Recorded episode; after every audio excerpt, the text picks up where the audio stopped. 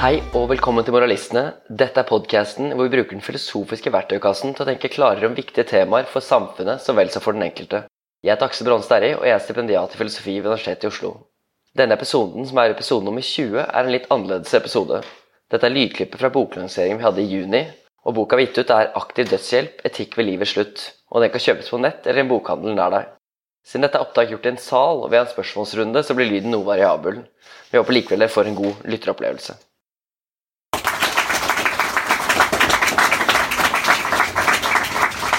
Er min på? Ja. ja tusen takk, Knut. Uh, vi tenkte å prate maks 30 minutter, men også kanskje slippe til dere tidligere. For dette skal bli en samtale mellom oss, så det kan også bli en samtale med dere. Og kjenner en del av fjesen deres også, så jeg vet at det er kompetente mennesker i salen her som kan si kloke ting om dette temaet. Men vi kan jo bare hoppe rett inn i det med et spørsmål som har kommet rett etter at vi ga ut boka. Så har det allerede nettopp blitt en del diskusjoner på sosiale medier og i mediene for øvrig. Og det er på en måte et av de første spørsmålene vi får stilt, er hvordan kan to filosofer, eller en skarve statsviter og en filosof, kunne si noe om dette temaet som berører liv og død? Som leger spesielt, leger som fagpersoner på en måte har å gjøre med hver dag. Det er jo de som er de som er virkelig kompetente på dette feltet. Mens vi filosofer sitter tross alt uh, på Blindern og tenker rundt disse spørsmålene. Så hva vil du svare til den kritikken fra legene som sier at dette har du ikke greie på?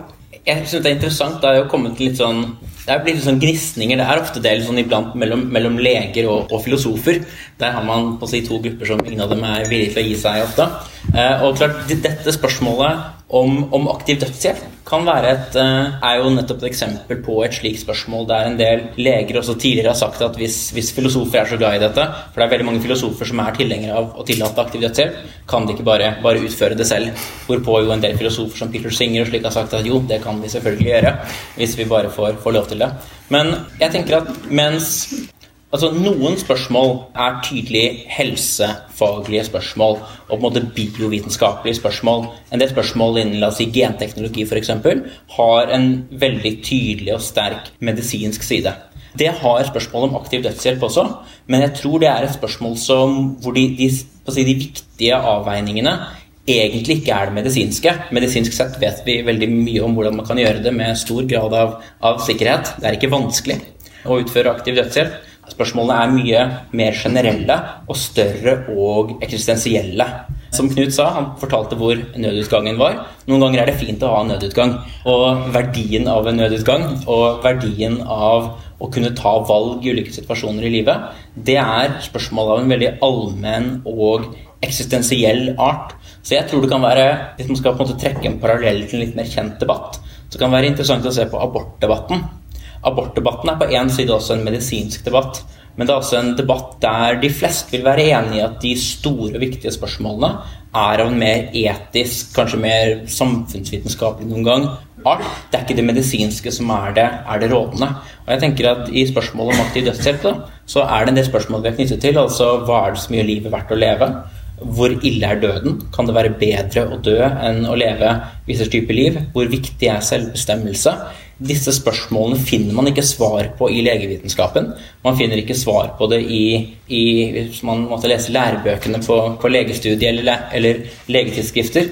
Det er ikke spørsmål man der vil finne svar på. Det er spørsmål av en mye mer mye større, bredere og allmenn art. Og da tenker jeg at selv om vi som jo ikke jobber i helsevesenet, har et begrenset perspektiv i en slik forstand, så tror jeg likevel at det er en veldig legitim rolle for oss filosofer å forsøke å si noe om dette, og ikke minst prøve å liksom sammenfatte, da, gitt alt hva vi vet om empirien om dette, hvordan vi bør tenke om normative spørsmål, hva er det vi faktisk bør konkludere med innen spørsmål som aktiv dødshjelp. Så det er litt av det vi forsøker å gjøre i denne boken også. Er å ta dette litt sånn fugleperspektivet og finne ut ok, hvordan bør vi alt i alt søke å tilnærme oss og tenke om denne, denne tematikken. Det slår meg som filosofer konkurrerer med økonomer. egentlig her litt. De konkurrerer åpenbart med leger også, men de konkurrerer også med økonomer. De har en det overordnede perspektivet. At det er sånn Ok, vi har ulike fagfolk på ulike, ulike, kan ulike ting. Noen er statsvitere, kan litt om staten, og noen er sosiologer, kan litt om samfunnet. Og så har du noen leger som kan litt om det som skjer i legevitenskapen osv. Og så tar på en måte filosofen rollen og sier ok, dere kan alle litt om litt av verden, men jeg skal komme her og på en måte oppsummere hva vi endelig bør gjøre. Hva er det vi liksom har grunn til å gjøre, gitt alt det dere fòrer inn i denne maskinen kalt filosofen. Så jeg skjønner at det kanskje kan være noen ganger litt provoserende for noen som står utenfor. Det kan det, det, kan det selvfølgelig, selvfølgelig, være. Vi kan jo gå litt inn på, på si, disse tingene vi diskuterer i boken. da. Altså, Boken er jo delt i, i, to, egentlig. En del for aktiv dødshjelp og en del imot. Og som en del, noen kommentatorer på boken har påpekt, så er det jo bare rundt 20 sider med argumentene for, og det er tre argumenter for. Og så er det vel 13 argumenter imot. Og da kunne man jo tenke at hvis man skulle veie det mot hverandre, at her var det jo flere motargumenter enn det var argumenter for, så da burde vi jo ha tippet i, i retning nei. Men sånn som vi ser det, så er egentlig argumentet, kjerneargumentet for at aktiv dødshjelp bør være tillatt, er egentlig relativt enkelt. Og så er det en lang rekke ulike innvendinger til å tillate aktiv dødshjelp. Der noen er en veldig prinsipiell art, og der andre er en mer pragmatisk art. Og noe av det som har vært si, mye arbeid med denne boken, har vært å prøve å systematisere og presentere og avgrense alle de forskjellige innsigelsene til aktiv dødshjelp. For det er et ganske stort hav av mulige innsigelser som har kommet til å noen av dem gode, noen også veldig dårlige innsigelser. Og det å forsøke å på en måte rydde opp i dette her, da, føler jeg liksom Noen ganger føler jeg at si, filosofer kan være økonomer. Eh, filosofer kan også være en slags sånn litt sånn vaktmester, søppeltømmerjobb. Der man prøver å liksom rense vekk litt og kaste ting og si at dette fungerer i hvert fall ikke. Og forsøke å på en måte rense opp litt i det som ellers kan være ganske, ganske forvirrende. Jeg syns også de er eksperter i å finne eller opphøye litt dårlige argumenter til litt mer vanskelige argumenter enn de trenger å være. Så det er ikke sånn at alltid filosofene er så veldig flinke til å gjøre den jobben som du mener at de skal gjøre. Det er riktig. Jeg tror filosofer også er en sånn, yrkes, er en sånn yrkesgruppe der på en måte, altså Dårlige filosofer det tror jeg ofte kan være mye mer til, til, til skade enn til gavn. For da kan man skape mye problemer. Ja, vi kan jo gå gjennom også veldig kjapt på hva som er på vår hovedmotivasjon og grunnen til at vi ender med å si at vi iallfall bør legalisere aktiv dødshjelp i en eller annen form. Vi kan komme tilbake til måte, hva en eller annen form betyr. Men det er jo på en måte veldig enkelt den casen for, og det er grunnen til at vi nettopp bare bruker 20 sider på den. Og det tror jeg kanskje er enklest å si med bare et typisk case. da, hvis det var sånn, det kan ha, Om det er ALS eller om det er langt uh, fram en kreft, eller hva det skal være, så er det for noen mennesker så er på en måte situasjonen så full av lidelse. Den lidelsen er så utholdelig. Eh, det er ingenting legevitenskapen kan gjøre. Det er heller ingenting måte, omgivelsene rundt nødvendigvis kan gjøre for at den situasjonen blir noe bedre. Det er altså ingen utilsiktet bedring, og man bare over tid tenker ok, dette her vil jeg ikke stå i lenger. Og Hvis man da har et, måte, konsistent ønske om å dø, om å slippe å leve dette livet, så virker det som man har da god grunn til å få lov til det. Og jeg tror iallfall de fleste vil være med på oss på den første biten, som er at det at noen ganger så er tilværelsen så dårlig at det faktisk kan være bedre å slippe.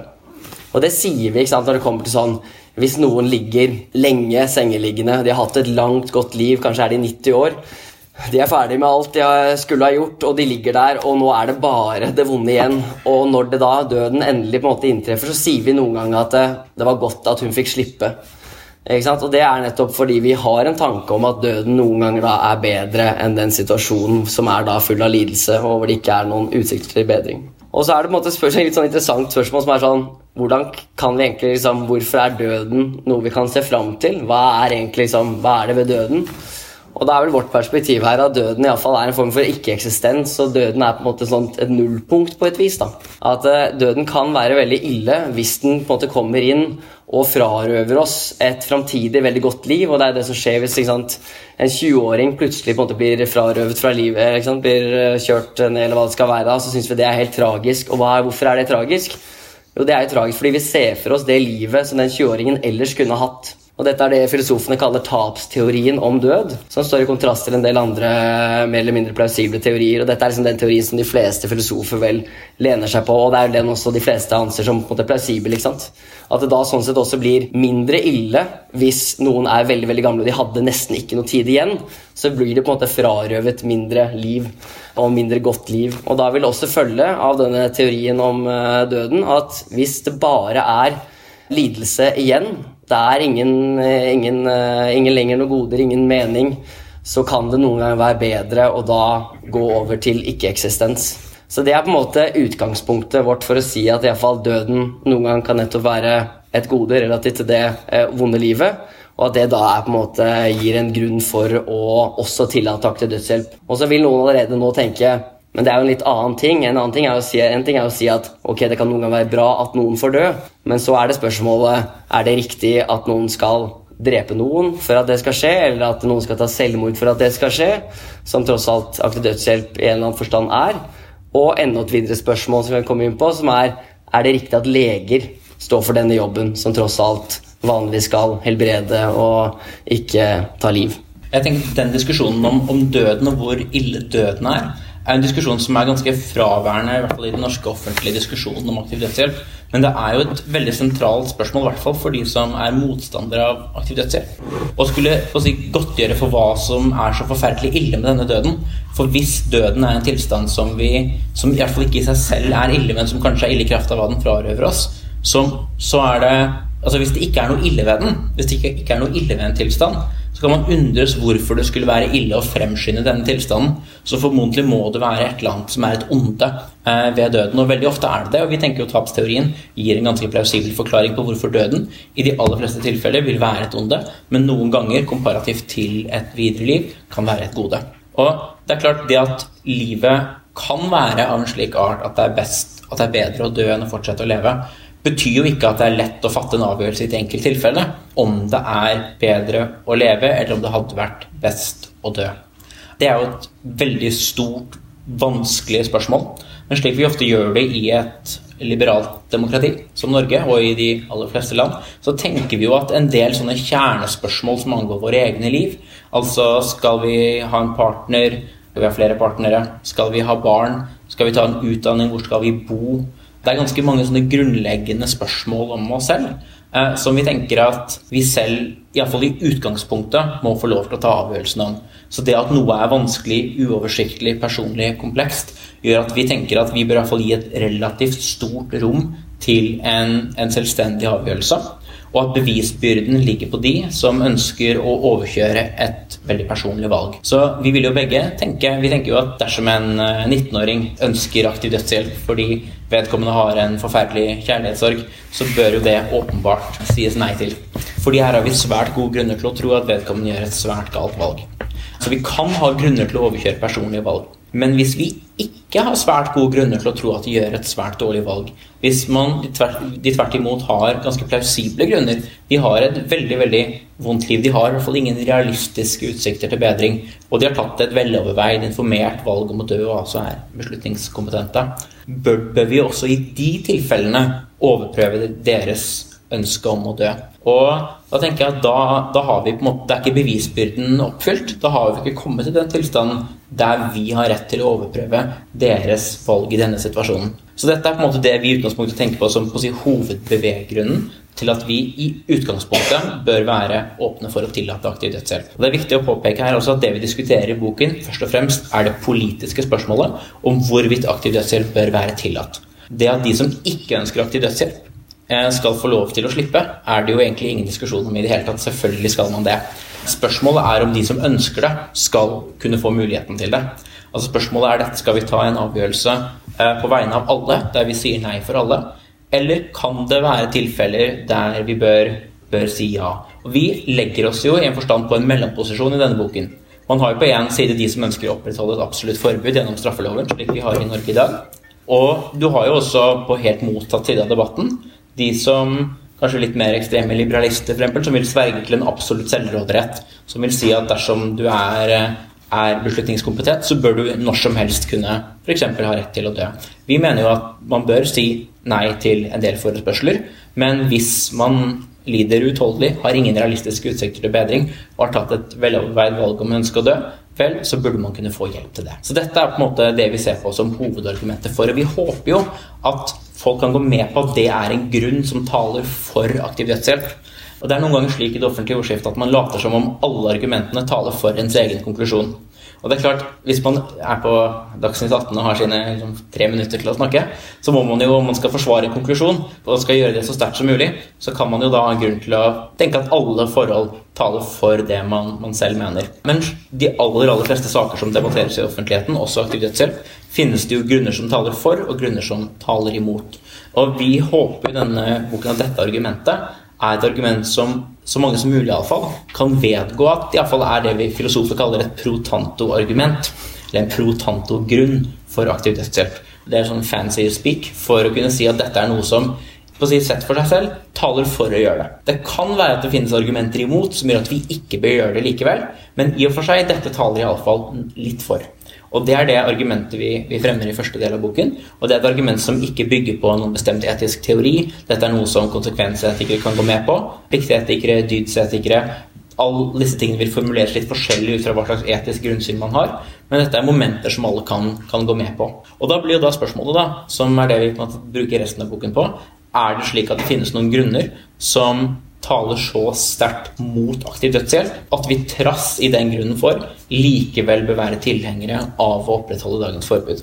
Og Da er det jo mange motargumenter man kan gå gjennom, og dere har sikkert noen dere også som vi kunne fått dere med på. Vi kan jo diskutere noen som på en måte Vi kan vente litt med på de helt prinsipielle drap og sånn, som lett blir en flukt og sånn, men det som er en veldig vanlig ting som mange nettopp reagerer på, er jo dette med liksom, hvem er det som skal gjøre det, ikke sant? Og er det rimelig å si at legene skal gjøre det? Og da har du noen som sier at dette her er en så Dette er i strid med legeetikken.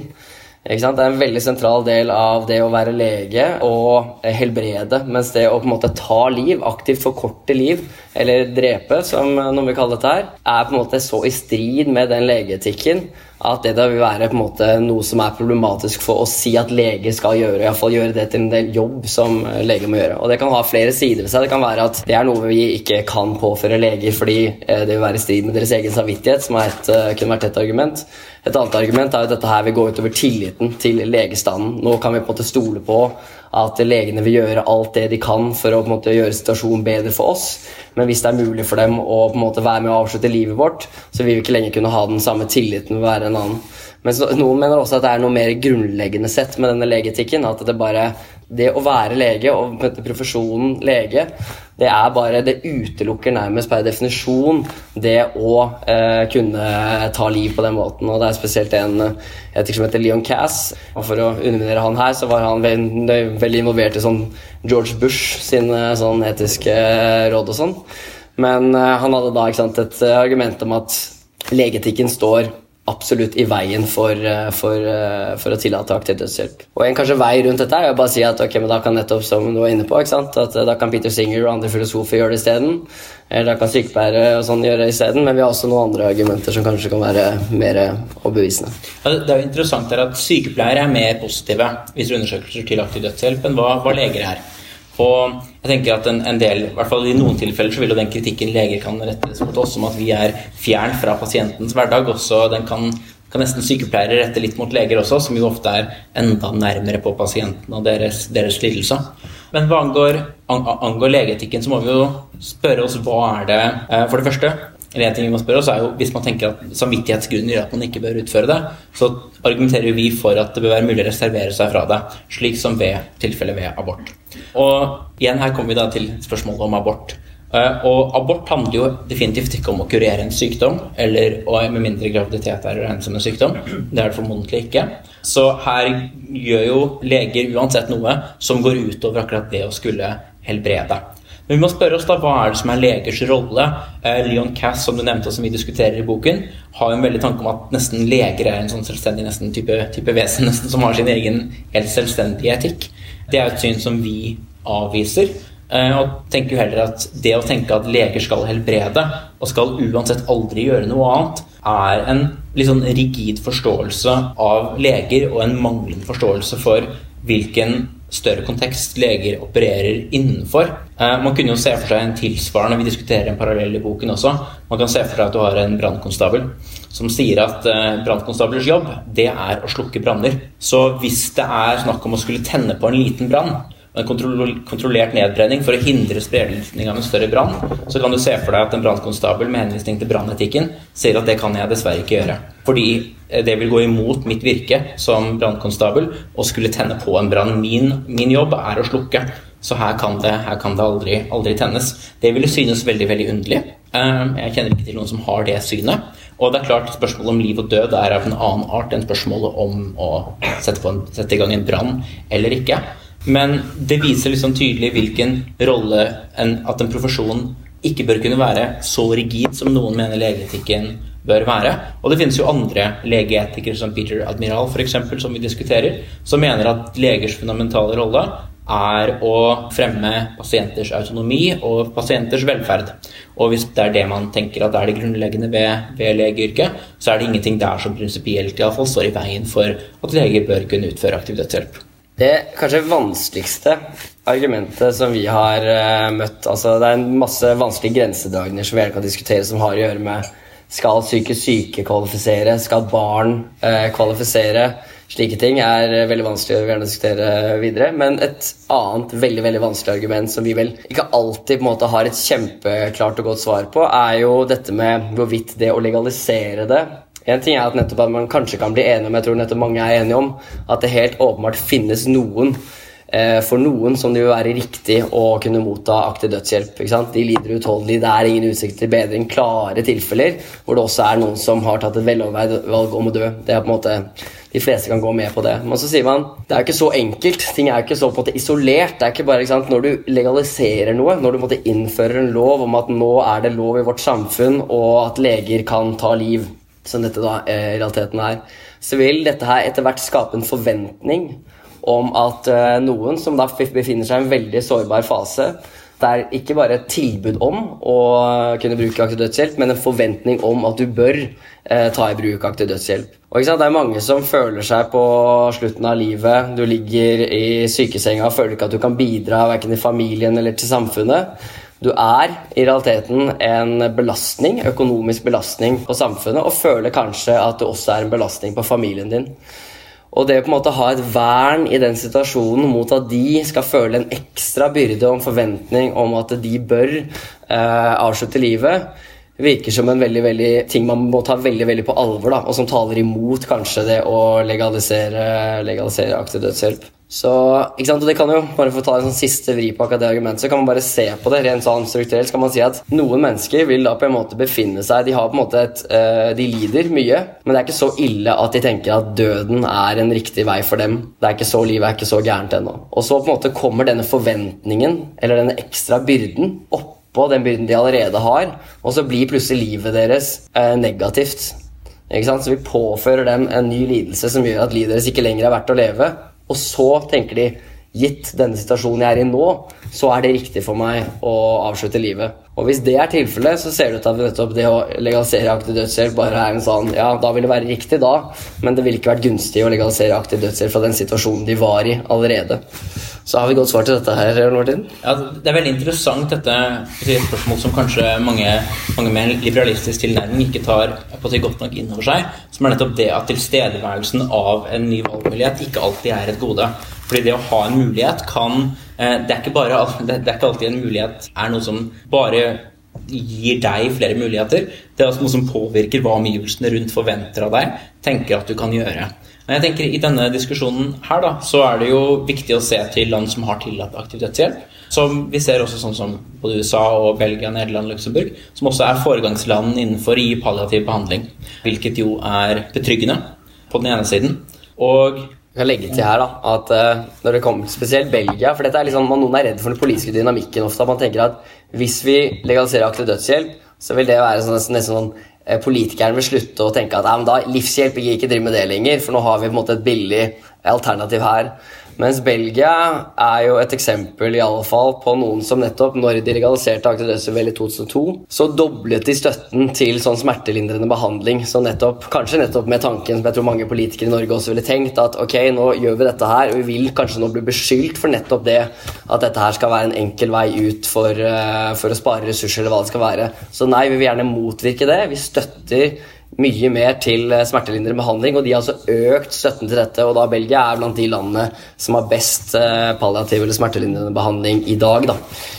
Og så, og så, er det også interessant på diskusjonen om, om, press mot mennesker i sårbare situasjoner. Så er det en av de, de, mange situasjonene hvor det er viktig å se aktiv dødshjelp i kontrast til noe som vi ikke har snakket om foreløpig, men som vi diskuterer en god del i boken, som er kontrasten til såkalt passiv dødshjelp eller avslutning eller tilbakeholdelse av livsopprettholdende behandling. Eh, fordi det er jo slik i dag at man kan jo velge å avslutte en cellegiftkur f.eks. hvis livet blir, blir, for ille. Eh, her kan man jo også utsettes for et press og oppleve et press fra omgivelsene. Og i en del situasjoner vil dette kanskje kunne være sterkere ved aktiv dødshjelp, men dette er også en utfordring i tilfelle det å avslutte behandling. Her kan man også føle at man er til en byrde. Her kan man føle at, at omgivelsene tenker at nå, nå må, det jo, må det jo være nok. Det er veldig få bekymringer som er rettet til det, og her er det heller ingen instanser som søker å avdekke et press. Eh, her er det veldig lite beskyttelse. Jeg syns det er litt underlig at denne, denne, bekymringen bare kommer på aktiv dødshjelpsiden, og ikke kommer på den såkalte passiv dødshjelpsiden. Det er også interessant her med disse ordene aktiv og passiv dødshjelp, om man skal kalle det passiv dødshjelp eller tilbakeholdelse av livsopprettholdende behandling. Dette er et sånt eksempel. Jeg kan si bitte litt om, om det ordvalget også. Her er det litt sånn ordkrig eh, mellom, mellom, tilhengere og motstandere. Man kan jo ofte håpe i det offentlige ordskiftet at man kunne bli enige om hvordan man skulle bruke begrepene, og så kunne man ha den substansielle diskusjonen. Dette er et sånt sted hvor, jeg, hvor det ser ut til at hva man substansielt mener, påvirker hva man har grunn til å tro at det er det riktige begrepet. Eh, for slik som vi ser det, så er det ikke noe dypt skille prinsipielt mellom såkalt aktiv og passiv dødshjelp. Begge deler kan handle om å ta et valg som du vet at, at medfører at du vil dø, og du ønsker å heller å dø enn å være i situasjonen du er i. Enten det er å avslutte en cellegiftkur, kan være å slå av en respirator i noen tilfeller. Det kan være andre handlinger du tar som du vet at vil føre til døden. Uh, og vi ser ikke noen dyp prinsipiell forskjell på det og med viten og vilje å avslutte et liv. Vi tror ikke vi kan trekke et klart skille mellom de to. De som mener at det ene er prinsipielt rett og de andre er prinsipielt galt, de må vise hva det nøyaktige skillet består i. Vi mener disse heller eksisterer langs et kontinuum. Og Da kan man snakke om at det er to ulike måter å hjelpe noen til å dø på. En aktiv måte og en passiv måte å gjøre det på. Motstanderne på sin side vil se dette som ikke bare to varianter av samme handling, ikke to former for dødshjelp, men det ene er en hjelp til å dø, og det andre er utelukkende en tilbakeholdelse av behandling. Enten fordi behandlingen er nytteløs, som jo selvfølgelig er en, mulighet, en grunn til å holde tilbake behandling. En annen grunn til å holde tilbake behandling kan jo være nettopp at det livet man da får, ikke er verdt å leve, men at det er noe annet du da gjør ved å bare holde tilbake denne behandlingen og ikke gjøre noen aktive skritt for å fremskynde døden. Så her er vi, og vi har i denne boken her sånn latt være å insistere på passiv dødshjelp. Vi snakker om å begrense eller holde tilbake livsopprettholdende behandling. Men sånn prinsipielt så ville ikke vi vært imot å snakke om passiv dødshjelp. Vi har bare ikke lyst til å, å si, føre en sånn ordkrig videre. da. For et av problemene i dødshjelpsdebatten er at det er ganske mye diskusjon om hva begrepene faktisk skal bety, og ganske mye begrepsforvirring rundt det, som lett kan bli ganske forvirrende når man skal gå inn i debatten, og som kan gjøre det vanskelig å komme til de si, substansielle spørsmålene. Så vi har jo prøvd her da, så langt vi bare kan å på en måte gå med på motstandernes på si, eh, begreper og deres måte å si, dele posisjonene på, og ta, ta, debatten videre ut fra det. Jeg følte ikke helt du måte, fikk svart helt godt, selv om dette var kloke ting. Eh, så fikk vi ikke helt svart godt på dette med liksom pressituasjonen. Det er helt som du mhm. sier. Det er også press ved livsforlengning og holde tilbake livsforlengende behandling. Så kan familie Det kan sånn oppstå som en forventning i samfunnet at ja, du er en byrde osv. Som gjør at noen sier nå vil jeg ikke lenger ha mer behandling fordi dette her går utover, uh, går utover andre. Så det er allerede et problem. ikke sant? Men så, som du sier, så kan dette her på en måte bli et enda større problem for signaleffekten rundt aktiv dødshjelp for eksempel, kan være så betydelig. da. Og det vi i fall har som sånn, det virker det avhenger liksom hvordan den kanskje mekanismen er ment å virke. For det virker lettere å på en måte forsvare seg mot reguleringsmessig de der direkte pressende-effektene som er sånn f.eks. hvis du har en situasjon som er sånn familie, hvor det er på en måte familien begynner å si sånn Nå er det på tide at du gir deg, og jeg syns du på en måte skal prøve akte dødshjelp, f.eks. Så kan man alltid forestille at det er ikke noe vanskelig å måtte ha en Du må inn til samtale. Det er et av våre kriterier. At du skal ha en eh, lege og en eh, psykiater eller en psykolog som må foreta vurderingen om du lider utholdelig og ikke har noen utsikter til bedring, og om du har tatt et veloverveid valg. Så da er det tre, tre kriteriene. Og i det veloverveid valget, som er det tredje kriteriet, så er det også viktig at du ikke er presset til å gjøre det. Og da går det an å si ok, er dette noe du faktisk ønsker for deg? Eh, vi vil bare understreke igjen, understreke igjen at eh, det ikke er noen forventning på noen som helst måte. Det er ikke sånn at vi ikke har råd til dette her, og det er heller ikke slik at familien din har lov til å presse deg til å gjøre dette her. Så det er det mulig å på en måte kommunisere i slike møter. Og du kan også håpe at det kanskje er mulig å kommunisere gjennom måte, både i kommunikasjon fra myndighetene ut til folk om at nettopp dette er strengt i bare tilbud. Men hvis det er den derre samfunnsmessige over tid, sakte, hvis man er eldre, man er en byrde, og man kan se at det er andre på en måte trekk i vårt samfunn som går i den retning som kanskje er viktigere enn selve legaliseringen av aktiv dødshjelp, som gjør at noen føler seg som en byrde når de ikke lenger kan bidra til vårt samfunn, så har vi kanskje ikke liksom et knockdown argument til det, annet enn å peke på at erfaringene f.eks. fra Nederland USA, de landene som da, eller delstater i USA som har legalisert det, så ser man også hvem som velger eller er mest opptatt av å søke seg til aktiv dødshjelp, ser iallfall ikke ut til å være de mest sårbare.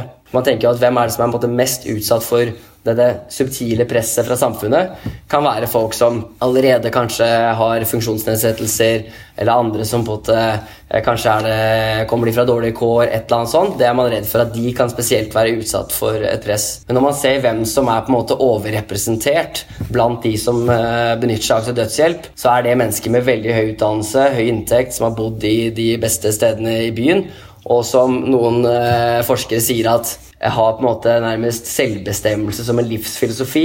Og jeg antar at det er noen som sitter i den salen her som kanskje kan kjenne seg i litt sånn der, eh, tanken om at nettopp du skal være selvstendig og på en måte ikke være fullstendig avhengig av andre. er på en måte en sånn, Og noen av de syns det på en måte er så ubehagelig å bli lenket til en sykeseng hvor det nettopp er noen som må måtte gjøre alt for dem, at det er det de absolutt vil slippe. da. Men det er nettopp ikke mennesker som vi vanligvis anser som de kanskje mest sårbare. Det kan likevel hende at vi tenker at de også på en måte er hjernevasket av det samfunnet de lever i. Kapitalistisk strebersamfunn hvor på en måte alle skal greie seg selv osv. Men likevel så er det kanskje på en måte et litt mindre problem at det er de som vi vanligvis tenker på som de aller mest ressurssterke menneskene, som er de som primært benytter seg av aktiv dødshjelp, iallfall er overrepresentert blant dem. da. Men dette er jo det argumentet som, som vi også understreker i boken, at vi mener er det beste motargumentet. Uh, og det er et argument som det er litt vanskelig å på en måte, for, på en måte helt feste, eller nesten tallfeste om man skulle gjøre det. Tyngden av hvor tungtveiende er det argumentet. Uh, da må man jo se på erfaringene fra land som har gjort dette. Man kan se på er det slik at folk som er uh, på å si, svært alvorlig syke, er det slik at de velger aktiv dødshjelp bare idet de de har muligheten, eller ønsker de også å få muligheten? Som også er et interessant spørsmål her. Det er ALS-pasienter er, det, er det forsket en del på her. Men jeg tenker at det som får meg likevel til å, å si, falle ned på siden av, av, å være tilhenger av aktiv dødshjelp, eh, av at det bør være tillatt, handler om at går tilbake til dette, dette med at dette er et veldig, veldig, personlig valg. Det er en ting som angår ens eget liv primært, og da ligger bevisbyrden på de som ønsker at vi kollektivt skal overprøve deres valg. Og da er spørsmålet hva er det vi har av grunner til å tro at tilstanden til folk som er alvorlig syke, vil bli veldig forverret av at vi tillater aktiv dødshjelp. Vi kan alltid vi kunne ha en diskusjon også, det var jo en diskusjon også, ved at man tillater abort. At nå nettopp bryter vi det som legevitenskapen gjør. Vi går inn i et helt nytt territorium som vil ha enorme effekter for hvordan vi vil anse hva helsevesenet skal gjøre. Eh, det har de ikke hatt. Helsevesenet klarer seg helt fint på, på, tross av dette. Og det er alltid skummelt å ta det første skrittet i en retning. Men innenfor aktiv dødshjelp så det, har vi jo i, i Oregon over, over 20 års erfaring med dette. Det har ikke vært en spesielt stor utglidning der. I Nederland har vi sett, og Belgia har vi sett en viss utglidning i den forstand at det er stadig flere som har ønsket aktiv dødshjelp. Det har vært interessant å følge på kommentatorene på debatten i Nederland, særlig noe som heter BioEdge, som er kanskje en av de si store bioetikk- og bioteknologinettstedene som har en litt sånn konservativ ligning, som i flere år har rapportert om at det er økende på si dødshjelptall i Nederland som viser en utglidning. Men i fjor så var det en 8 nedgang. Da var da overskriften at nå, er det, nå ser man at det er ikke så populært likevel. Det er ingen som Nå ønsker folk å gå bort fra det. Så enten det går opp eller det går ned, i alle fall der, så taler det mot, mot aktiv dødshjelp. Men det, det synes å gå bra i de landene man, man, har gjort dette. Og jeg skulle ønske at vi kunne vite mer om si, disse den ikke målbare, eller vanskelig målbare si, sosiale implikasjonene av å tillate aktiv dødshjelp. Men med mindre vi har ganske gode grunner til å tro at dette har veldig negative effekter, så kan vi ikke bruke straffeloven, som er det vi gjør i dag, til å hindre noen fra å hjelpe andre ved å dø. Også i tilfeller der de lider uutholdelig, har ingen realistiske utsikter til bedring og har tatt et veloverveid valg om at de ønsker å dø. Det slår meg noen ganger, dette er det siste jeg skal si før vi kan åpne for salen, men det slår meg noen ganger som at det som aktiv dødshjelp bidrar til litt, er å på en måte sette søkelyset på noen veldig veldig vanskelige valg som tas i helsevesenet hver eneste dag. Og Det så man nå eh, nylig med jeg vet ikke, Det fikk kanskje bedre en sånn nyhetssak som gikk eh, i mange medier, hvor det handlet om at en 17-åring som var utsatt for seksuelle overgrep, at hun visstnok hadde da tatt eh, og benyttet seg av aktiv dødshjelp, eller fått eh, aksept for aktiv dødshjelp i Nederland. Og dette ble delt eh, veldig vidt. ikke sant? Her er det på en måte en utglidning som foregår når det er kommet så langt i Nederland at uh, man nå kan få aktiv dødshjelp uh, for å bli utsatt for, uh, for, seksuelle overgrep og på en måte da lide av traumen i etterkant. Og så viser det seg at dette egentlig ikke er et tilfelle av aktiv dødshjelp. Hun fikk ikke innvilget aktiv dødshjelp, men det hun gjorde, var å nekte videre behandling og nekte Så valgte de jo ikke tvangsfòre henne. Så hun tok ikke lenger til seg mat og væske som gjorde at hun dør fordi eh, man i eh, helsevesenet tenker nei, det, det, valget respekterer vi. Og det betyr jo på en måte at dette som da var et case på en enorm utglidning, mente mange i Nederland. Nå har det gått så langt. Dette her er jo noe som da kunne også da vært tillatt i Norge, hvor det er ikke tillatt med aktiv dødshjelp, hvor det nettopp er tillatt for den enkelte pasient å si 'jeg vil ikke ha videre behandling'. Og så er det ikke sikkert at i Norge at hun ville at legen hadde vurdert det konkrete tilfellet og ikke tvangsfòre henne. Men det er altså et, en vanskelig sak som på en måte uansett helsevesenet trenger å på en måte ta stilling til, som da ikke er ny med aktiv dødshjelp. Men er når, er, når disse vanskelige sakene kobles på aktiv dødshjelp, så på en måte får de en helt annen eh, en måte, oppmerksomhet.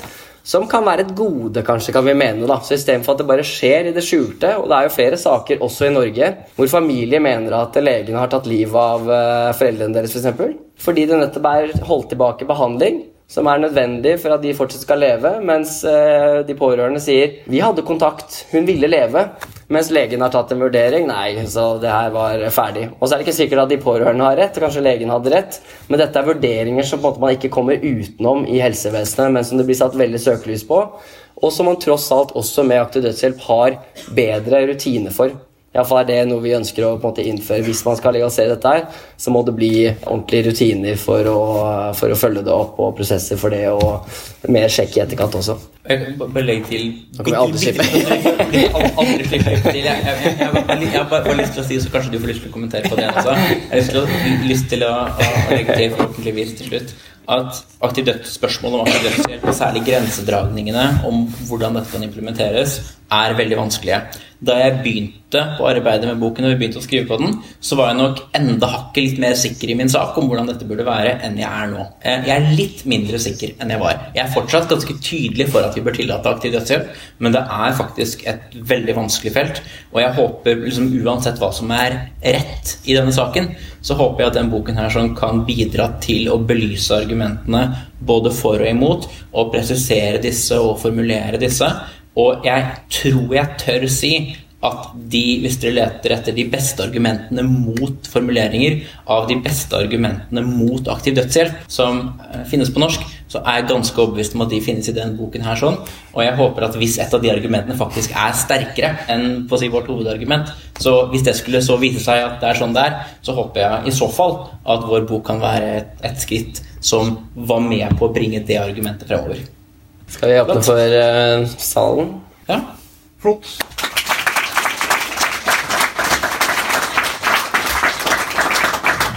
Takk for en veldig spennende tankevekkende samtale. Da åpner vi opp. Yes, da begynner jeg. Takk. Jeg tenker jeg har tenkt på i denne forbindelsen Hvis dette gjaldt meg i fravær av aktiv dødshjelp, så ville jeg hatt det fra å ta mitt eget liv. Det spørsmålet mitt angående det er om dere har noe Men det er en ulempe med det. da, Det er jo liksom vanskelig å si fra til familien, kanskje, fordi kanskje de vil ta av meg midlene mine og sånne ting. Har du noe begrep om uh, hvor vanlig det er sammenlignet med hvor vanlig aktiv dødshjelp er når det er innført? Så jeg lurer på om dere har noe begrep om hvor mye lidelse forbudet fører til. Kanskje sammenlignet med andre ting. Og til slutt Kan du gjenta det andre der? Ja, hvor mye lidelse fører forbudet til? Ok. Ja, det siste er Dere får svare på det dere vil. Ja.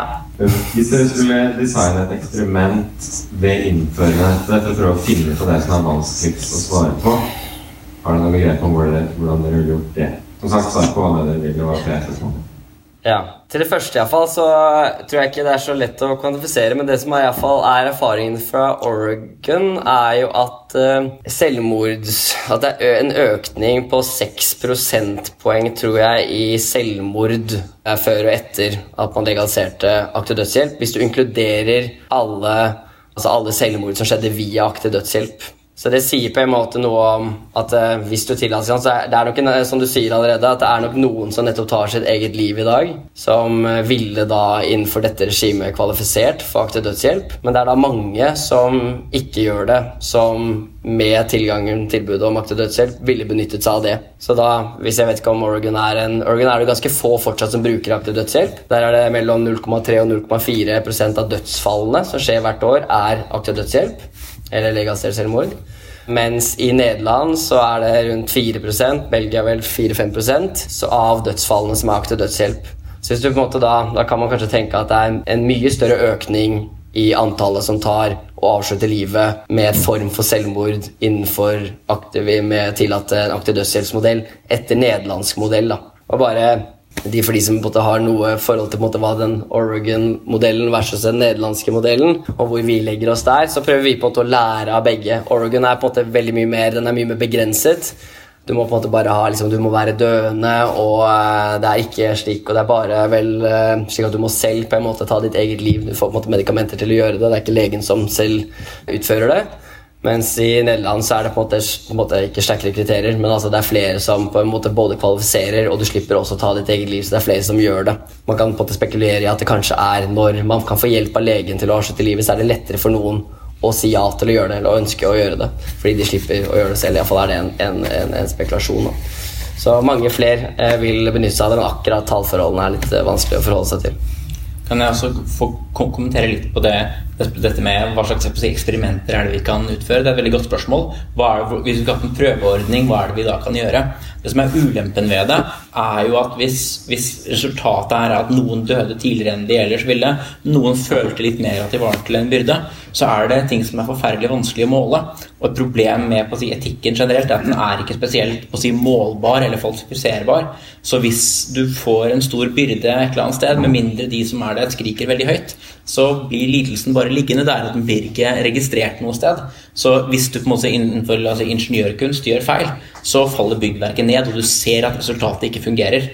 Innenfor etiske avgjørelser så er det ikke slik at uh, du lager et byggverk som kan falle sammen. Uh, så vi får på en måte ikke noen sånn direkte feedback på å ta feil avgjørelser. Ja, folk lider, ja, folk dør. Det gjør de uansett.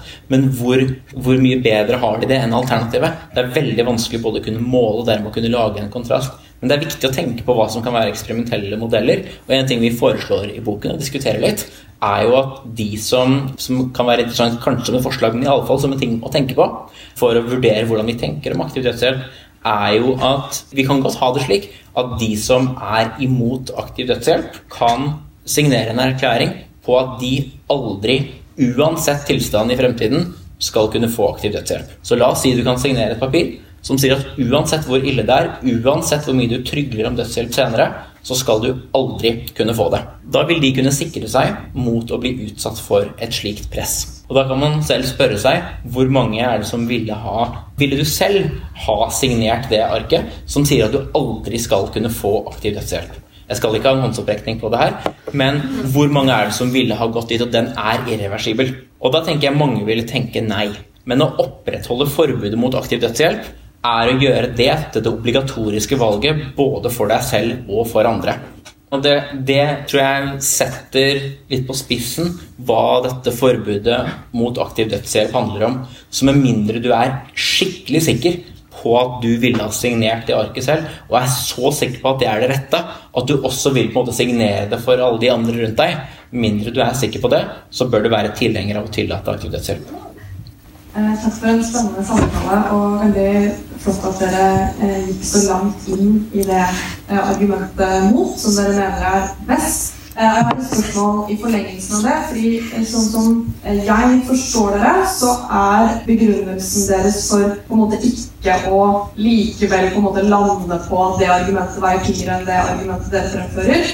Både handler det om at vi f.eks. allerede kan være i en situasjon hvor vi utsetter pasienter for den typen press. Eh, og at vi kanskje bør eh, kunne samle eh, bedre empiri. Og for det andre at dere, så vidt jeg forstår, mener at f.eks. det at en, en, lege og en psykiater eller psykolog skal snakke med pasienten for å forsikre seg om at valget er veldig vei, det kan avbøte noe av det presset. Og, og gitt at man har en lege og en psykiater eller psykolog som eh, greier å foreta en perfekt vurdering da, i mange tilfeller, og faktisk avdekke de tilfellene hvor valget ikke er veloverveid, eh, men f.eks. utløst av press, eh, og dermed sier nei, vil ikke man da også ha utløst en ny lidelse hos denne pasienten, fordi den da er blitt klar over at familien kanskje egentlig ville tenkt at det valget var det riktige å ta? Jeg synes Det er et veldig godt poeng, fordi det, er, det hjelper ikke hvis den, er, den mest radikale versjonen av pressargumentet er jo Da er lidelsen allerede påført. Hvis jeg har som gammel lidende har allerede på en måte internalisert, tatt inn over meg forventningene fra familien eller forventningene jeg tror storsamfunnet har om at jeg, sånne som meg, bør avslutte livet nå Hvis det allerede har gjort livet mitt uutholdelig, slik jeg forstår det selv, så hjelper det ikke at du har en lege som sier Nei, jeg merker meg at du har blitt utsatt for forventninger fra samfunnet, for da er, da er jo den lidelsen der allerede.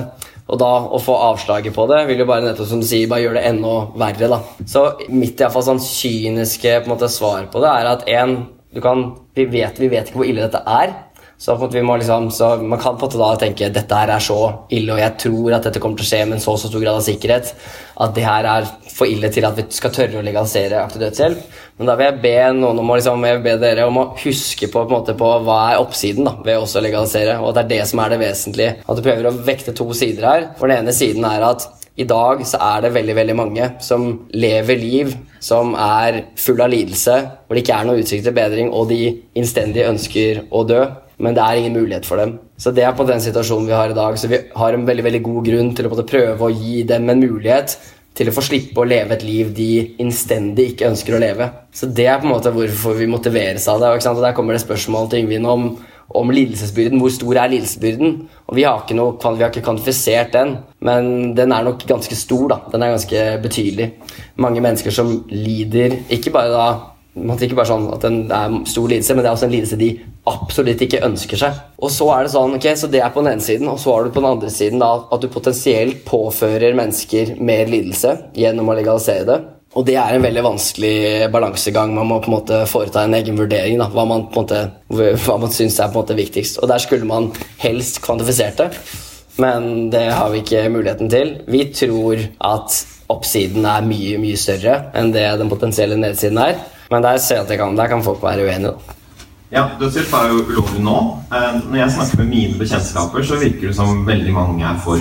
Og Jeg vet ikke om det er representativt for alle i Norge, men jeg har liksom inntrykk av at det er ganske vanlig å være uenig med lovene akkurat her. Og så ser det ikke ut til at eh, partiene på Stortinget gjør så veldig mye ut av det av den grunn. Og det er kanskje forståelig, det også, at det er å på en måte snakke om eh, død og lidelse ikke akkurat er voldflex. Eh, men jeg lurer egentlig litt på om dere vil dele tanker om, om, hva er det som skal til for at man får en politisk endring her. da. For det har jo skjedd sånn i Oregon i Benelux-landene. Kanskje det er noen erfaring derfra? Eller hva dere tenker skal til for at man får snudd det? Jeg ser vel er statsviteren her, da. Så, men, men jeg, jeg liksom, hvis jeg skal spekulere litt om det, så tror jeg at vi her er i en situasjon der det er litt vanskelig å på en måte gå først i denne debatten. Klart Fremskrittspartiet er på å si, i hvert fall i prinsipprogrammet for aktiv dødshjelp, men sitter, sier ikke veldig mye om det. Ingen andre partier er det. Ungdomspartier er det en støtte for det, men ingen av de såkalte moderpartiene eh, ønsker å, ønsker å fremme aktiv dødshjelp. Og det er klart, det er jo ikke noe gøy å være den som på en måte skal fremsnakke om død og lidelse. Og det er ikke noe gøy å komme i, i debatten, så blir man anklaget av Olaug Bollestad eller av andre eh, personer i denne diskusjonen om at man her ønsker, vi å, her ønsker noen bare å gi død. Vi bør ikke gi dødshjelp, vi bør gi livshjelp i stedet. Det er veldig lett å havne i en sånn situasjon. Vil du drepe de gamle? Vil du, vil du ikke gi dem noe bedre enn dette? Vi må heller satse på bedre helsetiltak. Eh, dette er jo mot menneskeverdet. Man kan dra nazismekortet. Det er så mye som bare kan kastes på en. Eh, og hvis man på en måte er den første der, da, så kan man få alt dette imot seg. Og så vil sikkert rådgiverne ha sagt at det er ikke lurt å ta det skrittet, fordi det ser bare veldig dårlig ut, og du får ikke tid nok til å ta den debatten ordentlig. Så du, du, du, det er liksom ingen som vil ta det første skrittet. Men jeg tror at når noen gjør det, så tror jeg det på en måte vil gå et lite skred da, av flere og flere som faktisk er for det, hvis dette diskuteres mer, og politikere faktisk må ta tak i det. Så det er jo litt sånn dumt å si at man nesten må ha en sånn martyr, en sånn Jesus-skikkelse som må gå foran og ofre seg for at liksom å si, verden skal bli bedre. Jeg håper jo at det kan være noe in it for de som, de som gjør det også. Og jeg tror noe, i hvert fall litt mer langsiktig så tror jeg nok at om 20 år så er aktiv dødshjelp tillatt i Norge. Og jeg tror vi vil se tilbake på den forbudstiden, som er kanskje det vi vil kalle tiden nå, som en tid vi lurer på hvordan, hvordan så mange kunne være imot at disse menneskene som virkelig ba om å få lov til å dø, og vi visste virkelig at det ikke var noen annen vei ut, hvorfor lot vi dem ikke få slippe når de, når de ønsket det? Så jeg tror i fall at hvis man har lyst til å være på rett side av historien, så tror jeg det kan være godt å være tydelig for at man tidlig var tilhenger av å tillate aktiv dødshjelp. Bare litt bare sånn mini-addendum til det. så ja, Det ser ut til at det skjer veldig veldig mye i ungdomspartiene. Og at det har skjedd ganske mye bare de siste årene. Og det jeg tror som trengs iallfall at Akte dødshjelp har nettopp er interessant at det er Frp som har det i prinsipprogrammet sitt. Og da på en måte er tanken om at din rett til å dø er veldig sentral. da. Og det er på en måte sånn liberalistisk argument som at det har selvfølgelig en viss klangbunn i det norske samfunnet, men som ikke er sterkt nok til å få gjennomslag. Og så, måtte, så lenge på en måte aktiv dødshjelp forbindes med det der rettighetsbaserte, det er din kropp, det er du kan gjøre hva du vil med den så jeg tror ikke det, det vil ikke liksom, Da vil det ikke fungere. Mens hvis det går gjennom ungdomspartiene, og de får en mye mer bedre De har allerede en mye bedre debatt, som, har, som forhåpentligvis vi også kan bidra til. Som ser at dette her handler om på en måte, lidelse og på en måte, hjelpe mennesker som har det veldig veldig vondt. Hvis måtte, debatten endres da gjennom i stor grad ungdomspartiene der, så tror jeg mye kan skje, og som Ole Martin også sier, på kort tid. da. Men at det kanskje er det som må skje rent sånn strategisk der. da. Og kanskje det også kan, kan si litt, det kanskje kan være viktig også å kommunisere ut til kristne som er motstandere av aktiv dødshjelp, at et moralsk argument mot aktiv dødshjelp, og mener at det er umoralsk, ikke i et kristent moderne verdensbilde betyr at det bør være forbudt. Som om kan definitivt mene at dødshjelp er umoralsk, men likevel mene at det bør være tillatt. Som jeg mener at burde være den naturlige kristne posisjonen, og at det er noe som bør sies tydeligere i debatten om aktiv dødshjelp også. Jeg tenker på Jeg eh, kan si litt om grensedragninger i forhold til hvem som skal kunne samtykke til aktiv dødshjelp. Eh, ungdommer, barn som vil når er man kompetent nok til å ta det seg sjøl? Ja, dette er veldig, veldig vanskelig. Og det man iallfall må skille mellom når du kommer til barn da. altså Det vi iallfall kan si veldig kjapt på det, da, at vi har øh, bestemt oss for, og der gikk vi fram og tilbake når det kom til psykisk sykdom, om det skal kvalifisere for øh, aktiv dødshjelp. Og der var vi en periode på at det burde også, de burde, det burde også kvalifisere. Og det hadde et øh, argument som var sånn Lidelsen er jo like reell, og det å på en måte kunne leve med en livslang psykisk sykdom som vi ikke har noen på en måte måter å forbedre kan være helt forferdelig. Eh, kanskje noe av det verste. Og at det da de også, selv om det er vanskeligere å på en måte få tak på liksom, Vi vet ikke så mye om, uh, om disse, om liksom, hva, vi, hva, vi, finner ut i morgen, om, og vi vet ikke så mye om disse sykdommene i dag. Så tenkte vi ok, det er, tross alt lidelsen er så heftig, da. Men så der har vi snudd og blitt enige om at ja, selv om lidelsen og helt åpenbart kan være kvalifiserende på et vis, så er det så vanskelig å finne ut om det faktisk er utsikter til bedring Og der kan det også være vanskelig å få fatt på beslutningskompetansen i de tilfellene. der, altså Da har vi på en måte endt på nei der. Men det er, ikke, det, det er en vanskelig, vanskelig debatt. Og så når det kommer til barn, så må man iallfall skille mellom eh, spedbarn og eh, voksne barn, eller barn med en en mulighet til å en ha en vurdering eller ta en avgjørelse om eget liv. da. Og i Nederland så er det jo nedfølt noe Grønningen-protokollen at eh, det er mulighet for eh, på en måte Nå vi ikke kalle det aktiv dødshjelp engang, for det er jo ikke på en spedbarn som tar den vurderingen, men hvor det likevel er mulig å avslutte livet aktivt, bruke aktivt inngrep. da. Det skjer veldig, veldig sjelden, men argumentet for det vil være at det er mange tilfeller av såkalt passiv dødshjelp for barn sant, som blir født altfor tidlig. Eh, Det er ingen mulighet for at det barnet får vokse opp. Og det man da i mange tilfeller gjør i dag, er jo at man holder tilbake noen videre behandling. Man har vurdert at dette her er et barn som ikke skal eh, leve videre, er nytteløst å behandle. Og så dør det eh, sakte, eh, noen ganger, hvis ikke ofte, uten at det er noen smertelindring inne, inne i bildet. Og hvis det, det er tilfellet, og uavhengig på det- hvor mye smertelindring også man bruker der, så vi, vil det være et argument for at når den vurderingen er tatt, om at dette barnet uansett ikke skal leve, så vil noen se det som mer human, og vi vil se det som mer humant at man avslutter heller eh, livet og gjør det med aktive grep. En, det er en vanskelig sak når det kommer til ok, for det er helt åpenbart noen, men veldig veldig få. Eh, barn som er, si de er 17 år, f.eks., ikke myndige. De lider utholdelig, det er ingen utsikter til bedring. Det kan være en sykdom som er degenerativ. Vi vet alt om den sykdommen, det blir ikke bedre nå, og det er bare forferdelig lidelse. Skal de kunne da på en måte kvalifisere, eller skal vi på en måte vente til de blir, blir 18 år? Og der har vi gått inn for en modell som sier nettopp at barn skal på en måte suksessivt ta De kan kvalifisere, men at de, man skal legge mer vekt på deres måtes, en samtykkekompetanse eller beslutningskompetanse, deres egne valg, jo på en måte eldre de blir. da. Så um... Og, og her er det jo viktig at dette er jo ikke en på si, dødshjelpsintern debatt heller. Det er en, en, en mye større generell debatt. Vi, altså Beslutningskompetanse blir jo vurdert eh, i helsevesenet hver eneste dag i Norge. Og det er jo et, et mye mer generelt spørsmål om i hvilken grad skal barn og unge og i, i, kunne ta avslutninger, ta avgjørelser. avgjørelser eh, om, om, om sitt eget liv. Så klart, her er det en mye større debatt også.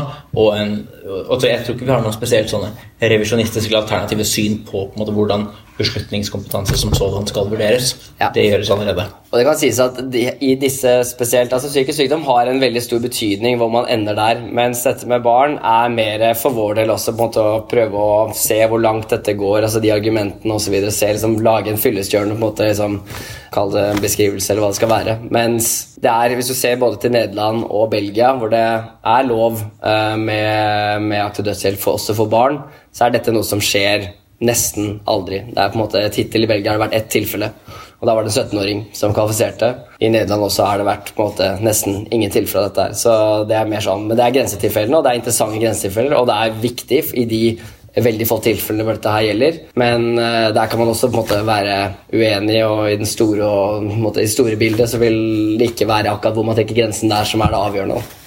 Skal vi ta et spørsmål til? Gjør?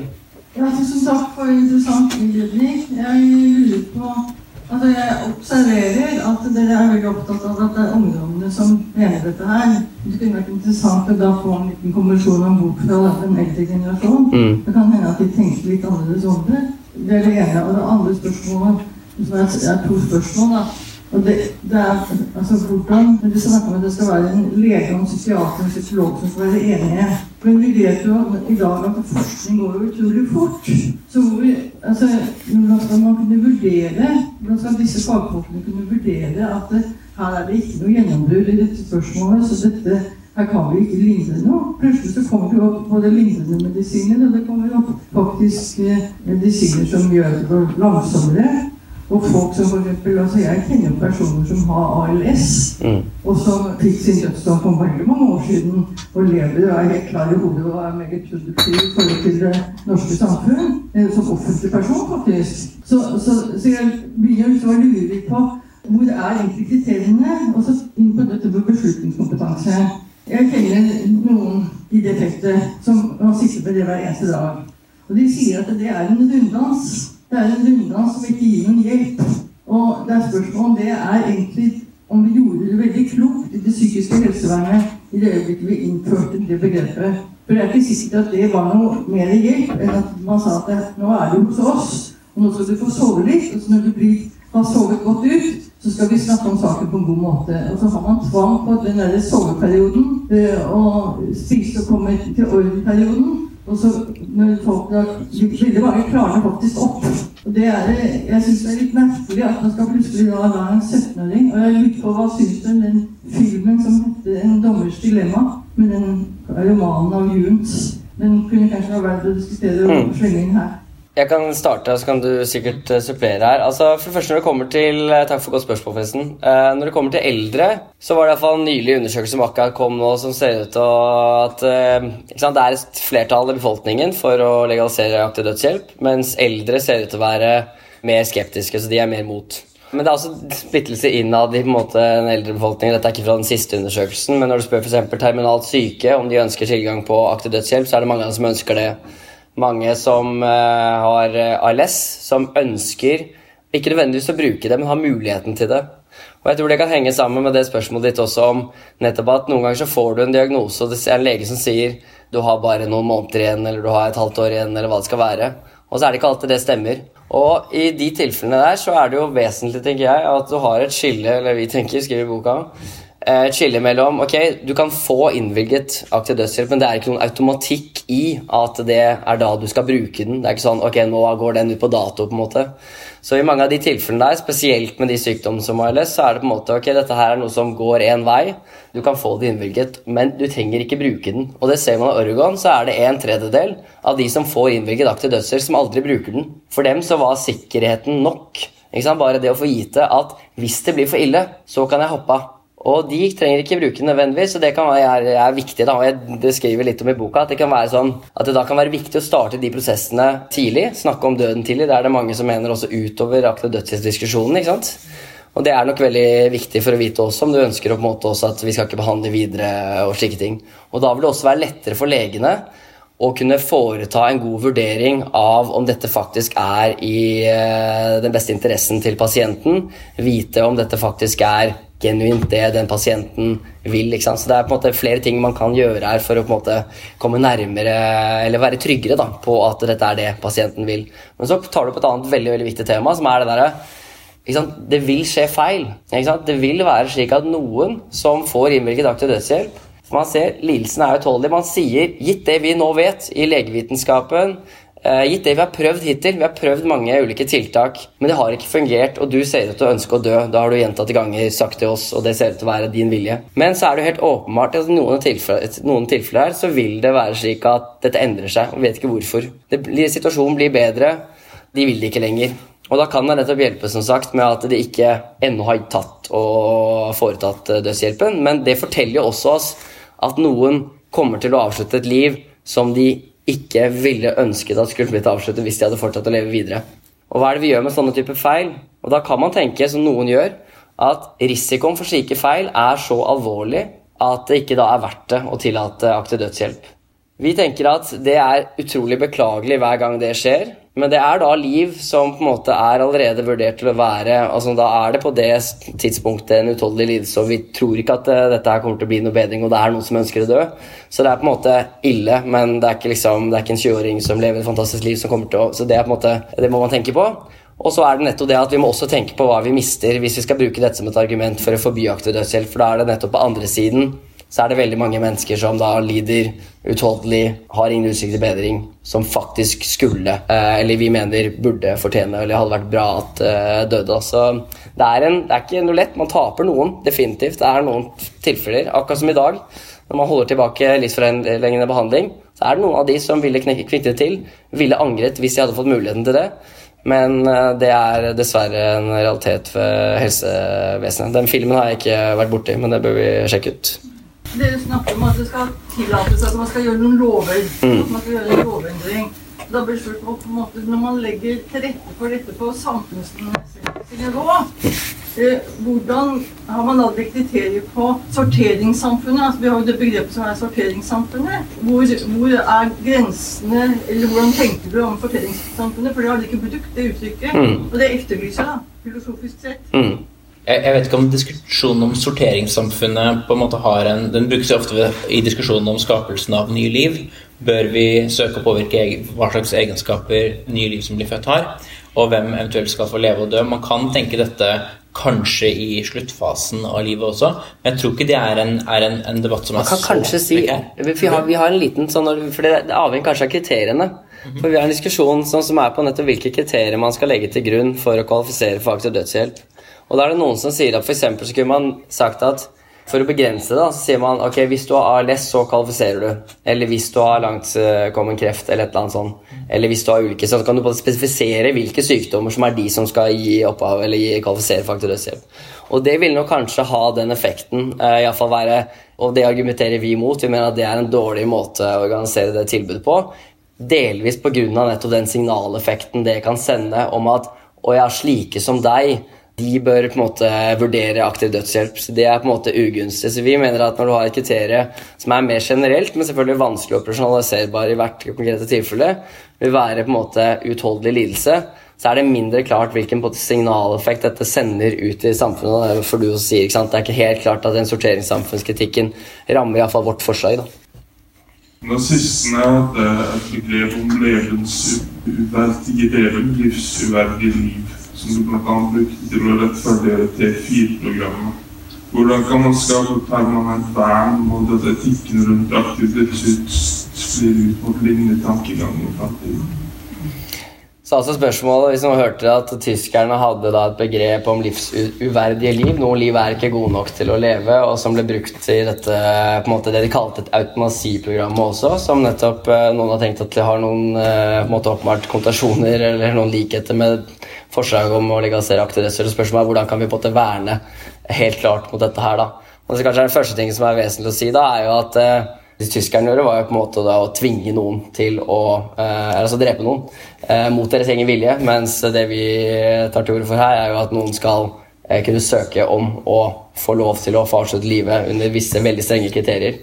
Men det som kan være vesentlig, tenker jeg, er at det som er mange er redd for, er jo at når du først inn, måte, har et uh, i aktiv dødshjelp, så sier man jo på en måte at man trenger en lege som tar en vurdering som sier at ok, nå er faktisk livet ditt uutholdelig. Og at det nettopp har noen assosiasjoner til litt sånn ok, det livet der er ikke verdt å leve. Selv om det er den enkelte som tar den konkrete avgjørelsen om at jeg ønsker ikke dette her mer, så har det en form for sånn Man kan tenke at det har en presedens. Og jeg tror ikke man trenger å gå helt ned til på en måte Nazi-Tyskland og alt det greiene der. Men noen vil være redd for at dette her kan få konsekvenser også f.eks. For i fordelingen av knappe helseressurser. At i neste omgang så kan man si at ok, her har vi da på en måte nå åpnet opp for å gjøre en vurdering i helsevesenet på dette spesifikke området om at noen liv ikke er verdt å leve. De er for dårlige til å leve. Og at de, man kan tenke i skrekkscenario at man kommer til en måte, helsevesenet og så sier man vi må fordele eh, disse knappe helseressursene mellom deg og eller en annen som måte, lever et mye bedre liv. Eller har mye større utsikter til å leve et godt liv. Og så prioriterer man ikke den som på en måte lever et for dårlig liv. da, Fordi man sier dette livet er jo ikke verdt å leve uansett. på en måte. Mange tenker at sant, det er den veien man kan gå. da. Men der sier iallfall vi at det er ingen nødvendig konsekvens. Det er slik at sånn som f.eks. Helseprioriteringsutvalget, som kom med sin NOU i 2014, nei, 2016 eller noe der, den snakker nettopp om at vi må innføre ha mer av dette sånn kvalitetsjustert leveår. Bruke, på en måte, fordele knappe helseressurser etter på en måte, hvilke, på en måte, hvor mye på en måte, vi kan få ut igjen av på en måte, gode leveår hos pasientene man gir uh, ulike behandlinger til. Men det er ikke slik at bare fordi man sier at noen da liv er veldig veldig dårlige, og noen liv kan til og med være så dårlige at døden er et gode, det betyr ikke at de ikke da lenger skal få flere ressurser. Det kan like godt være et argument som det er i resten av helsevesenet, at man sier at de som har dårlig livskvalitet, er jo de som skal få hjelp, og det er derfor de skal få hjelp. Så at man kan snu det på hodet, og at det da nettopp ikke er en nødvendig vei dit. Det er definitivt en mulig vei dit, men det er det vi må diskutere hele tiden. At det er ikke slik at bare fordi du har det dårlig, og det er lite på en måte å få ut av en behandling til dette konkrete mennesket, så er det ikke sikkert at vi da skal si derfor så sparer vi ressursene og bruker dem på noen som er mer effektive i å konvertere penger over til livskvalitets eh, eller hedoner eller hva det skal være. da. Så det er et valg vi kan ta som samfunn, og det er ikke noen nødvendig vei fra aktiv dødshjelp eller å bruke noe som nettopp at dette er et liv som ikke er eller så dårlig at døden er et gode. Da. De trenger ikke havne der. Vi kan ha to, to siste spørsmål, og så er vi, det er de to der. Og så gir vi oss. Ja, eh, takk for. Det var interessant bok. Jeg har faktisk lest store deler av den. Og det er jo mange forskjellige tilnærminger. Man har hatt spørsmål, det er sånn logikktilnærming og vekting av argumenter. Men jeg tenker et annet interessant spørsmål og perspektiv er hva er det som skjer i et samfunn med aktivitet har vært legalisert over en lengre periode. Og det vet man jo litt om. Jeg leste noe veldig interessant fra Nederland. Man snakket om at eh, når man innførte aktiv dødshjelp, så var ikke medisinsk, og man hadde fokus på de som kvalifiserte avgjørelse, medisinske spørsmål og lidelse og sånn. Men etter hvert så blir det mer og mer fokus på autonomi. Og pasientene kommer med krav til legen. Jo, det er hvorfor skal du bestemme over min tilstand? Det er jo ikke du som, det er jeg som opplever den, og det er min kropp, og jeg som bestemmer. Det, går en glidning mot det fokuset. Og når dere sitter der som økonomiens apostler, på en måte, så lurer jeg på hvorfor dere er sånn grense. Hvorfor tar dere ikke helt ut? Hvorfor eh, har dere den grensen? Det kan, man kan jo tenke seg at man opplever livet som meningsløst. Men hvorfor skal man ikke da få lov til å komme inn på offisiell aktivitet? Så man går opp eksamen. Det er liksom Grunnen til det er jo at vi ikke er autonomiens apostler. Eh, Vi er velferdens eh, apostler. Eh, Og det er det som gjør at vi ikke sånn sett er hardcore for autonomi. Det er ikke jeg, jeg, si, autonomien som er det grunnleggende, som gjør at, som er den beveggrunnen for vårt, eh, for vårt standpunkt. Vi blir ofte tatt for å ha et altså Når man forsvarer aktiv dødshjelp, så er det en del sånn automatiske svar som kommer at dette er sånn, en sånn svært autonomibasert, liberalistisk argument som jo, hvis man skulle ta det til sin rene konklusjon, ville føre til at alle burde kunne få det. Det er ikke det som er beveggrunnen for oss. Det er det som Det er klart, autonomi er viktig, men jeg tror ikke autonomi er verdifullt i seg selv. Jeg tror det er nyttig å kunne ta valg om sitt eget liv, fordi vi ofte kjenner vår egen situasjon best. Vi kjenner selv hvor, hvor skoen trykker. Det er vikt, et viktig henseende, men det er ikke bare det. Men jeg er da enig med deg at dersom det var det som var motivasjonen, så burde man jo vært helt ute og sagt at ja, enhver som ønsker det, bør kunne få det. Men det er, en, det er ikke det sentrale, men det er én komponent og en viktig ting for helsebeslutninger generelt. Jeg vil jo da måtte stille spørsmål tilbake når man fremmer dette. Man de fleste synes jo å være enig i at autonomi er viktig i helsevesenet. At vi skal være autonome. Selv om en lege sier at ja, her er medisinen, du bør ta dette, så står vi jo fritt til å kunne si at nei, det vil vi faktisk ikke gjøre. Jeg ønsker ikke å gjøre dette, jeg ønsker å gå hit i stedet. Vi har en betydelig grad av autonomi, og jeg tror ikke vårt argument for å tillate aktiv dødshjelp bygger på, på si, en større autonomitro enn det som er veldig veldig mainstream i hva man ellers tenker om, om avgjørelser innenfor, innenfor helsefeltet. Og man kan jo legge til at eh, Vi også på en måte deler din bekymring når det kommer til den nederlandske utviklingen, som ser ut til å basere seg litt For der er det mulig for pasienten å på en måte velge sin egen lege som skal på en måte ta vurderingen. Så de kaller det doktorshopping. Og Det er jo en helt åpenbar utglidende mekanisme. du? For da blir det sånn Hvem er den mest liberale doktoren du kjenner? Jo, han der han er kjempeliberal. Han er ikke så nøye på det. Så han, sant? Og han har kanskje en egen politisk agenda. eller whatever. Han er på det enig i at folk skal bestemme over sitt eget liv. Så går folk dit, og så vil det over tid skje en utglidning i den retning. Og det kan jo forsterkes av stykkprisfinansiering, at staten som sto for betalte per uh, menneske mennesker som gikk til den klinikken for å få utført aktiv dødshjelp. Ikke sant? Så med det vi kan eh, med det, det vi sier, er at vi vil heller ha en modell hvor det er eh, på en måte myndighetene som oppnevner legen. Eller sant, at det er en lege i det offentlige regi da, som tar de vurderingene. Og så kan du, hvis du er uenig i den avgjørelsen som pasient, så kan du anke avgjørelsen, og så får du oppnevnt ny lege. Men det er ikke slik at du kan shoppe rundt etter den måte, favorittlegen din for å ta den vurderingen. Da. Så det er nettopp for å forhindre den type utglidning som man har sett der. Men der kan man være uenig, for noen legger mye mer nettopp vekt på selvbestemmelse og sier hvis du shopper rundt, du absolutt på en måte orker ikke livet ditt mer, så er det på en måte greit. Men vi har lagt oss nettopp på en mer linje hvor vi mener at dette her har mer å gjøre med at du tross alt skal lide så og så mye for å på en måte kvalifisere for dette innenfor det offentlige systemet. Ja, jeg skal sånn sett to jeg har kommet til en måte barn og sånne ting. med disse. Eh, jeg kommer- Snakk litt høyere, tror jeg. Ja, eh, beklager. Eh, Bare kommentarer også til spørsmål. Det kom opp dette med, med barn, og jeg kan si tilfeldigvis er fra bransje hvor et av hovedtemaene nettopp var barns økonomi eh, i forhold til helsesystemet. Og her har vi allerede masse, masse juridisk presedens og har praksis eh, og lovgivning. Stort sett er det faktisk måte mer liberalt enn at du må være 18 fra du er 16, så har du stort sett måte, retten til å betale stemmen deg selv. Og selv om begge foreldrene dine sterkt utsetter seg mot ditt ønske, så er det noe din økonomi som 16-åring en måte så sterk at eh, de unntakene man har eh, i lovgivningen der, stort sett er når det gjelder informasjon, sånn at foreldrene har en rett på informasjon dersom de er omsorgspersoner. Og de trenger den informasjonen for å ivareta de to.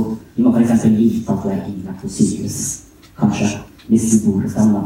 Og så har du noen unntak som kanskje aldersgrenser på noen former for fullstendig ikke-nødvendig inngrep, sånn som noen får på plass i kirurgi. Så der er faktisk på en måte mer liberal allerede i dag da, enn på en måte et eventuelt forslag på en måte, man er 18 år. Så er det den vurderingen du syns tar har tatt. Og da tror jeg dette med at det, er sånn måte, man kan sammenligne nazismen eh, eller på en måte denne tanken da, om at disse som er ufrivillige, eh, de kan samtidig på en måte ja, da blir på en måte av. Men sannheten er jo jeg, jeg er jo sykepleier, eh, og sannheten er jo at veldig mange av de som får behandlingsbegrensning, da, eller såkalt passiv dødshjelp, er jo faktisk folk som ikke kan samtykke, og som ikke har samtykke til det, fordi de ikke har samtykkekompetanse. Så på en måte deres forslag, det forslaget man sier at de som kan samtykke, og som samtykker, kan få dødshjelp, er jo mye mindre liksom, skummelt i forhold til utglidning enn det vi allerede har i dag da, av lovgivning på passiv, passiv dødshjelp. Eh, fordi i hvert fall min personlige erfaring da, som sykepleier er jo at den store majoriteten av tilfeller der jeg har bidratt og vært med på, på måte, passivitet, har vært tilfeller der pasientene har vært så syke at de på ingen måte lenger kan f.eks. redegjøre for tid og sted. Eh, der de åpenbart lider veldig voldsomt. da, eh, Og kanskje også det lider flere medikamenter det med bivirkninger. Så jeg vil bare måte, legge til det at sånn, sammenligning nazismen og sånn er jo nesten mye større på et større argument for å nekte behandlingsbegrensning. Hvor vi allerede i dag behandlingsbegrenser med folk som faktisk ikke har samtykket til det hele tiden. Eh, selv om det er upopulært å si det som helsepersonell. Så har jeg et på slutten, og det er dette er noe dere sånn ideelle om hva på en måte kanskje systemet bør se ut som. da. Og en ting jeg lurer på er, Tenker dere også til å starte sånn, eller tenker dere at idet man innfører måte, aktivitet, så bør man ha en måte en mer restriktiv policy? da? F.eks. ha tilfeller der man vet at personen kommer til å dø innen så og så lang tid. på en måte. Good. Eh, kan vi, for det var et siste spørsmål her, ikke? Så bare tar vi det på samtidig, og så kan vi avslutte. Eh, ja. Jeg syns dere sa til det hovedargumentet mot aktiv dødshjelp ofte er det at uh, en sier ja, vi kan føle press fra familie. Men uh, jeg har jobba mange år på sykehjem og sett den andre veien også. Jeg har hatt uh, noen som har bodd der som egentlig som sier, har fortalt meg hvor de men føler press fra familien på de må holde ut. Ikke sant? Så press kan jo gå alle veier. Og kanskje heller, og da lurer jeg på hvis de virkelig lider i noen tilfeller så ser jeg at de lider. Det var så fælt. Jeg å slutte. Jeg klarte ikke å se på det. Og så skal vi stå og se på at noen har det så fælt, blir på en måte nesten torturert. Og så skal man da si nei, vi kunne jo ikke med det, men vi gjør ikke noe med det. Og det med press det kan jo være i alle mulige settinger, og den personen vet det selv. da. Så jeg bare lurer på Dere har sikkert snakket med mange som er veldig imot aktiv dødshjelp. Og hva sier de om det? Men press andre veien, og når det faktisk er så smertefullt. Hvorfor skal noen andre måtte oppleve så sterk smerte for at de skal kunne føle seg bedre? Veldig bra. Skal jeg bare kjapt spørre svaret svare oss, eller skal, vil, du, hvem, vil, vil, du ha siste ord? Ja. ja men da Det er, det er bra. Uh, jeg tror Dette er jo litt sånn hobbypsykologi fra min side. Uh, for jeg er helt enig i et veldig godt poeng. Press kan også gå andre veien. At du holder ut mye lenger enn det du egentlig uh, ville gjort. Og Noen ganger tenker man kanskje at det er riktig. At noen ganger så har du sterke forpliktelser overfor de rundt deg. Så det er ikke bare å si ha det bra. Men i disse tilfellene her hvor det er på en måte jeg har på en måte gjort min plikt, jeg er ferdig, nå er det bare lidelse igjen. Altså Hvis da på en måte familien på en måte prøver å holde deg igjen med og du opplever det som på en måte egentlig et press som er illegitimt, på vis, så er jo det også et problem. da. Og jeg lurer på om det er en sånn asymmetri i den debatten. at liksom, fordi, altså, I mange debatter så lider vi av en form for sånn status quo-bias. på en måte, At vi på en måte tenker ok, de problemene som er i dag, de er på en måte, de er kjente og våre problemer. Mens alle de problemene som kan komme, de potensielle problemene, de på en måte er vi mer redd for, for de har vi ikke på en måte kanskje grep over, eller grep om. Så det er en eller annen der at det er en asymmetri der da, som gjør at selv om måte, hvis man prøver å på en måte eh, vekte alle disse på måte, problemene på den ene siden og på den andre siden. Og selv om man kanskje tenker at ja, det er jo, enda, det er jo verre hvis at vi nettopp, eh, det er mange som lider utholdelig, har ingen utsikt til bedring og ønsker å dø, at ikke de får lov til det, det er et mye større problem enn disse potensielle skadene på andre siden, så er det likevel en tendens til at man tenker nei, men vi vet jo ikke, vi må gå forsiktig fram. Ofte er den konservative impulsen bra, mens i dette tilfellet så kan det hende at den, eh, eller er vi ganske sikre på, at den slår feil ut, da. Men jeg synes det er et veldig godt poeng. Og så bare til kjapt inn på dette om dette er en start eller om vi er ferdig. Og det er på en måte alltid fristende, tror jeg for kanskje flere enn oss, med, eller andre mennesker enn oss, mer enn, mer enn oss, ønsker på en måte at selge inn dette som en litt sånn sexy start, for den skal være lukrativ for alle parter. Som er litt sånn, eh, og Mange er tilhengere av den såkalte Oregon-modellen, som er mye mer begrenset enn den modellen vi foreslår. Men vi har prøvd å på en måte tenke så grundig gjennom dette som vi kan, og prøve å forsvare den måte, modellen vi mener er optimal, gitt det vi vet nå. Da. Så vi går på en måte mye lenger enn det mange ville gjort, og kanskje det mange vil gjøre hvis de først skal begynne å eh, legalisere det. Da. For da tenker de nettopp hm, dette kan jo skli ut etter hvert, så de vil på en måte kanskje vært Eller det er vanskelig å få måte, folk med på alle disse ulike eller så radikalt for seg, et eller annet sånt, så de vil velge en mer moderat versjon. Men vi har på en måte bevisst valgt å argumentere så godt vi kan for det vi mener er riktig. da. Eh, så dette er ikke så et spesielt strategisk eh, klokt uh, dokument. Men vi tror det er på en måte at det står seg mye bedre. da. Fordi det er med en gang du begynner å bli strategisk, så på en måte kan du ikke nødvendigvis forsvare de tingene du sier på en så god som mulig måte. da. Men kanskje har vi visse konservative ting likevel, som er det at vi er på en måte usikre når det kommer til dette med psykisk sykdom f.eks det er en tragedie fortsatt ikke sant? at eh, da noen vil holdes i live mot, mot sitt egen ønske, og de vil eh, lide utrolig mye. Så det er på en måte ille, men vi har ikke på en måte sett at vi har på en måte tilstrekkelig gode argumenter for likevel å på en måte tillate. Men dette er jo ting vi lærer underveis, og der er kanskje vi litt ulike fra andre. Og vi tenker Vi har et litt sånn semi-optimistisk syn på ting. at vi lærer når vi på en måte implementerer ny politikk, så ser vi noe om hva som funker og ikke funker. Og så blir vi litt klokere underveis. Mens andre har et annet syn, som er at det er nå vi er klokest. Så nå må vi for all del ikke legalisere noe, for da vil jo dette vi er ned på sånn rutsjeplan. ikke sant? Og i neste omgang så kommer alle disse andre menneskene, og de skal prøve å ta stilling til dette vanskelige spørsmålet om vi skal utvide eller begrense eller noe sånt noe, og de kommer til å ta skikkelig dårlige valg. Mens vi tenker ok, vi kommer til å få mer informasjon, vi blir generelt klokere jo mer vi tenker over ting, og jo mer vi på en måte ser hvordan ting funker i andre land og vårt eget land. Så vi tenker også at liksom, her skal man tross alt prøve, lære, andre må gjøre et mye større arbeid enn det vi har gjort.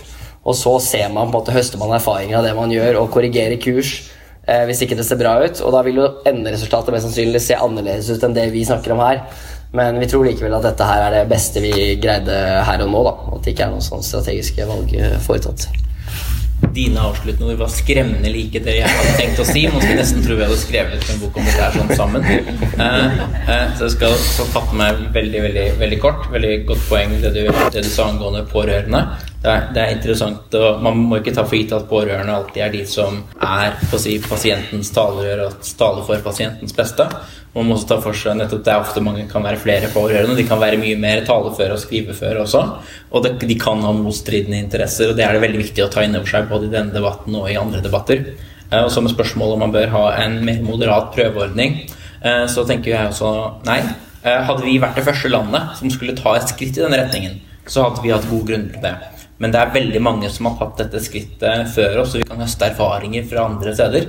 Og det er alltid fint å si at man skal, man skal gå saktere fremover.